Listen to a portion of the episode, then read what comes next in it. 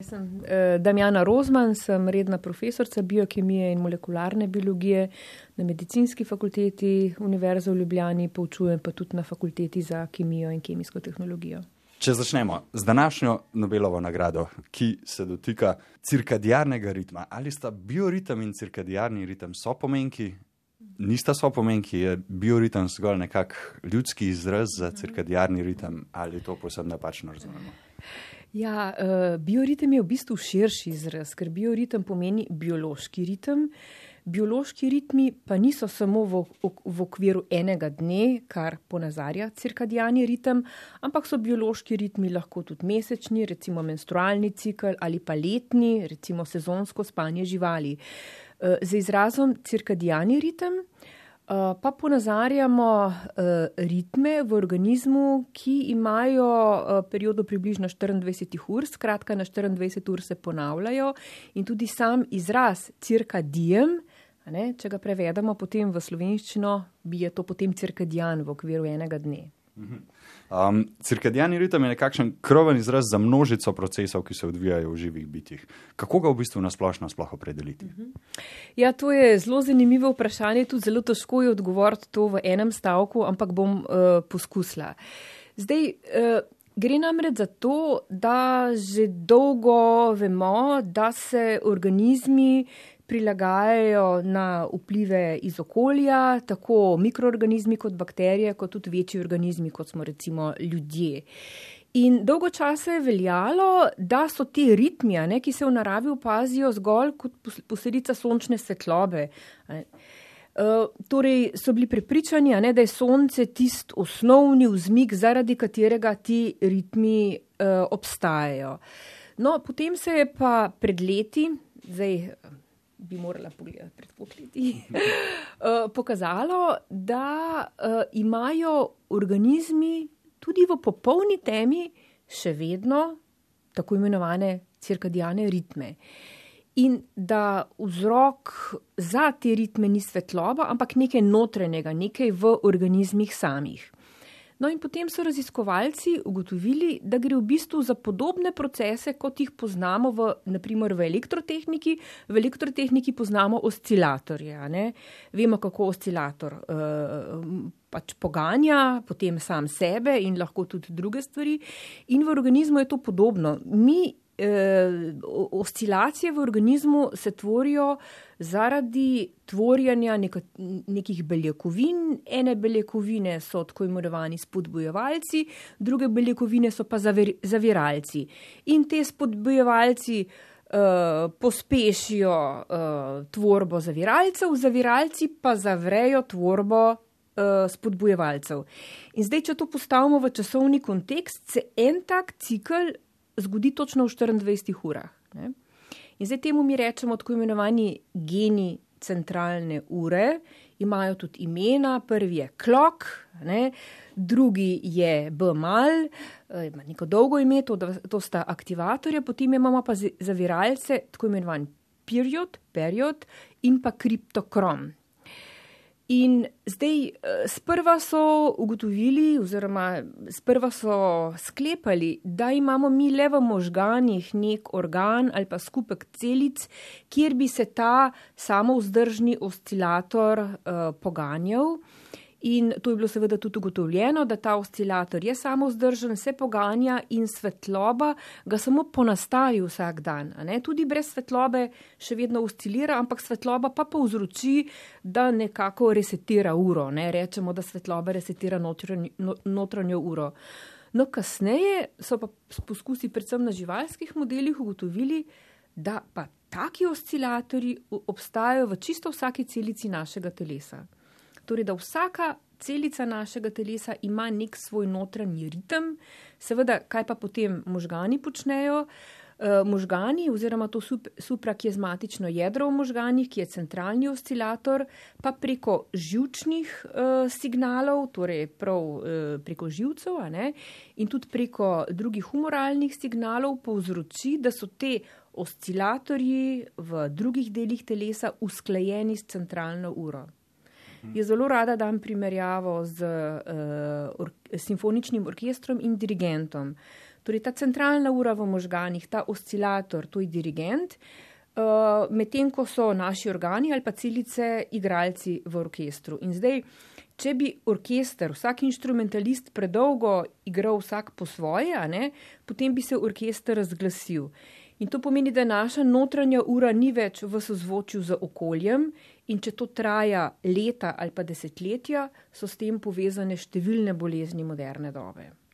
Kako konkretno se pa na človeških telesih, zdaj, če pustimo ob strani vse ostalo, kako konkretno se na človeških telesih kaže vpliv cirkadijanega ritma? Se pravi, povedali ste, da obstaja se pravi nek centralni komandant, ki to usmerja, ampak na katere procese vse to vpliva? Uh mhm. -huh.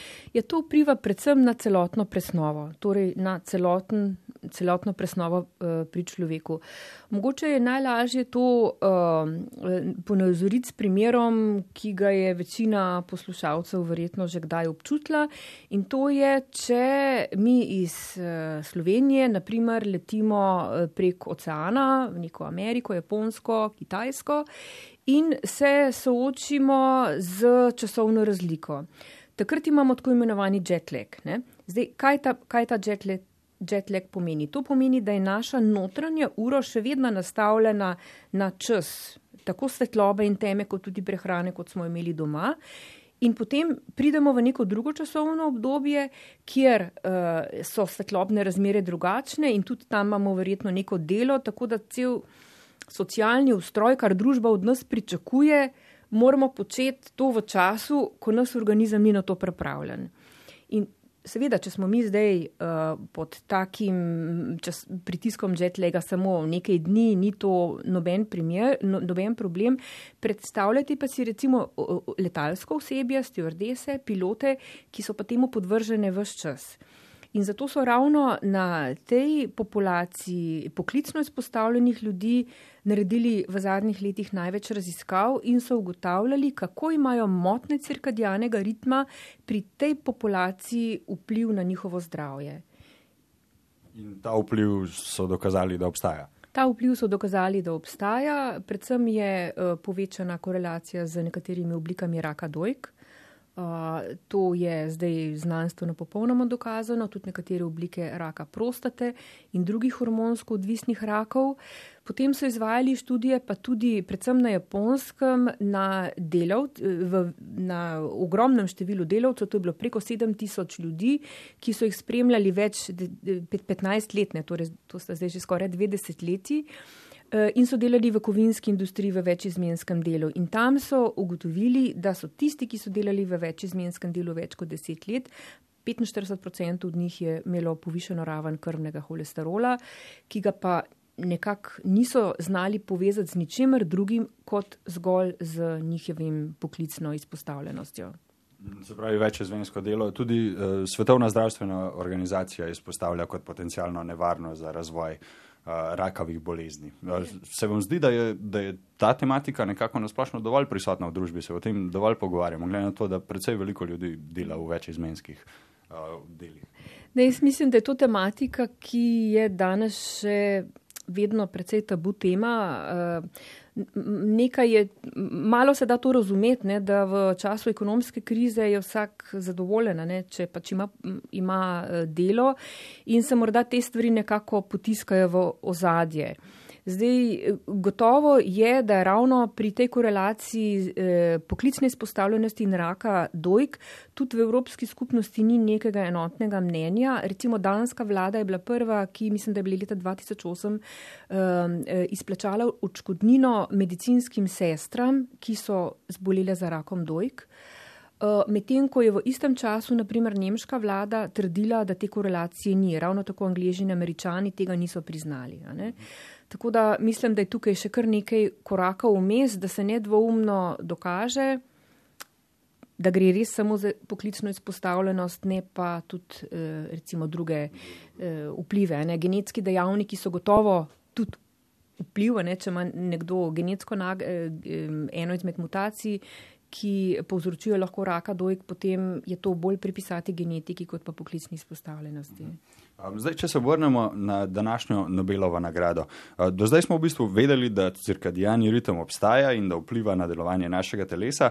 No, tri ameriški znanstveniki, Jeffrey C. Hall, Michael Rosbach in Michael Young, pa so v bistvu razložili, kako notranja ura pri živih bitih sploh deluje, če jaz to pravilno razumem. Kaj v bistvu natančno so oni ugotovili, da so letos prejeli Nobelovo nagrado za medicino? Mhm. Ja, oni so se ukvarjali predvsem z uh, vinsko mušico drozofilo in uh, so uh, v tej mušici pravzaprav opredelili te uspodbojevalce in zaviralce, o katerih sem govorila prej. Uh, to je, se je dogajalo v zgodnih 80-ih letih, ko pravzaprav še nismo. Poznali mehanizma, vedeli smo, da neka cirkadijana ura je, da nekaj nas ponastavlja z okoljem, nismo pa vedeli, kako to v organizmu deluje. Tako da oni so bili med prvimi, ki so te beljakovine, te dejavnike, ki uro pravzaprav postavljajo uh, so jih odkrili, objavili. Potem pa seveda oni so vsi delali na tem področju več kot 20 let. V tem času so se ogromno ukvarjali tudi z socialnimi združbami vinskih mušic, to se morda smešno sliši, ampak obstaja tudi tako imenovani social jet lag, torej socialni jet lag, ki so mu podvrženi recimo mladi, imaš družbo, družba gre zvečer na pijačo, ti bi račel spat pa ti vsi rečejo, pojdi zraven in to se dogaja čez leta in leta. No, oni so pa to preučevali pri vinskih mužicah, da so dejansko, recimo, ene z njihovih odkritij tudi ta socialni jet lag. Uh, in verjetno bi še veliko lahko naštevala. No? Dejstvo pa je še morda to, da zakonitosti, ki so jih oni postavili na modelni živali, na tej mušici, so se kasneje izkazale, da gre praktično za enake mehanizme tudi pri sesalcih, vključno s človekom. Eh, od teh štirih ključnih proteinov, beljakovin, ki sem jih prej omenila, klok, bmal, eh, per in kraj, so pri vinski mušici trije enaki, samo ta kraj, kriptokrom, je pri vinski mušici imenovan drugače, imenovan tim.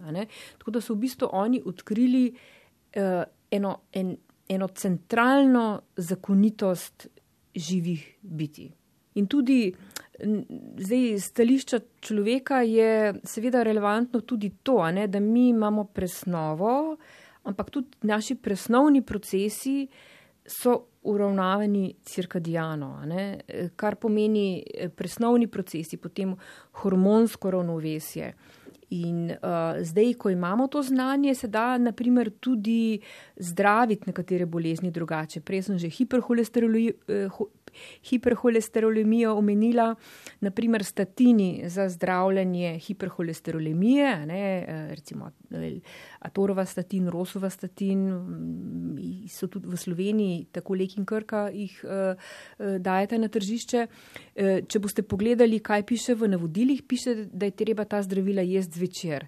Zdaj, zakaj jih moramo jesti zvečer? Zato, ker je sinteza holesterola cirkadijano uravnavana in je največja koncentracija holesterolov med drugo in četrto uro zjutraj. Torej, če ljudje eh, zdravilo vzamejo zjutraj, niso naredili nič, ne? treba ga je vzeti zvečer, zato da ta vrh holesterola, sinteze holesterola nekako uh, zdravilo umili. In še zelo veliko uh, drugih je takšnih primerov, kjer danes že vemo, ne, da sama uh, ura da ima zelo pomembno vlogo v presnovi. Uh -huh. um. Kdaj so bili ti njihovi rezultati objavljeni prvič? Ja, zdaj, prve objave, kot sem pogledala, so bile recimo leta 83-84, tam nekje do leta 90. Tako da to je celotno področje cirkadijane ure, je relativno mlado področje. Že mislim, da je to skoraj 30 let.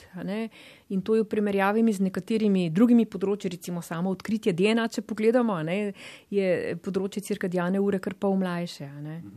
Um, kako to, da so v bistvu letos dobili to nagrado? Je to običajen postopek, da toliko poznajo po svojih odkritjih, dobijo znanstveniki ali je v bistvu to nek preseden?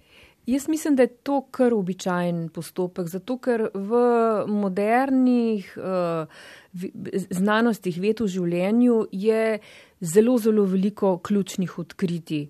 Za letošnje leto je bilo veliko ugibanj o tem, ali bodo odkriteli metode CRISPR. To je pač metoda, s katero lahko uh, v pogojih in vitro, pa tudi in vivo, uh, rekombiniramo uh, zaporedje DNA. No, ampak vendarle se to očitno, saj pri Nobelovi nagradi za medicino in fiziologijo ni zgodilo. Tako da jaz sem izjemno vesela, da je bila ta nagrada podeljena za uh, cirkadijane ritme, odkriteljev cirkadijanih ritmov, ker jaz mislim, da se premalo zavedamo mi ali pa družba kot celota, kako pomembno je to za zdravje človeka, kako pomembni so ti ritmi in bi pogosto lahko z pravilnim vodenjem pacijentov in nekimi, bi rekla, neinvazivnimi metodami veliko doprinesli k boljšemu počutju ali pa mogoče celo, eh, da do bolezni sploh ne bi prišlo.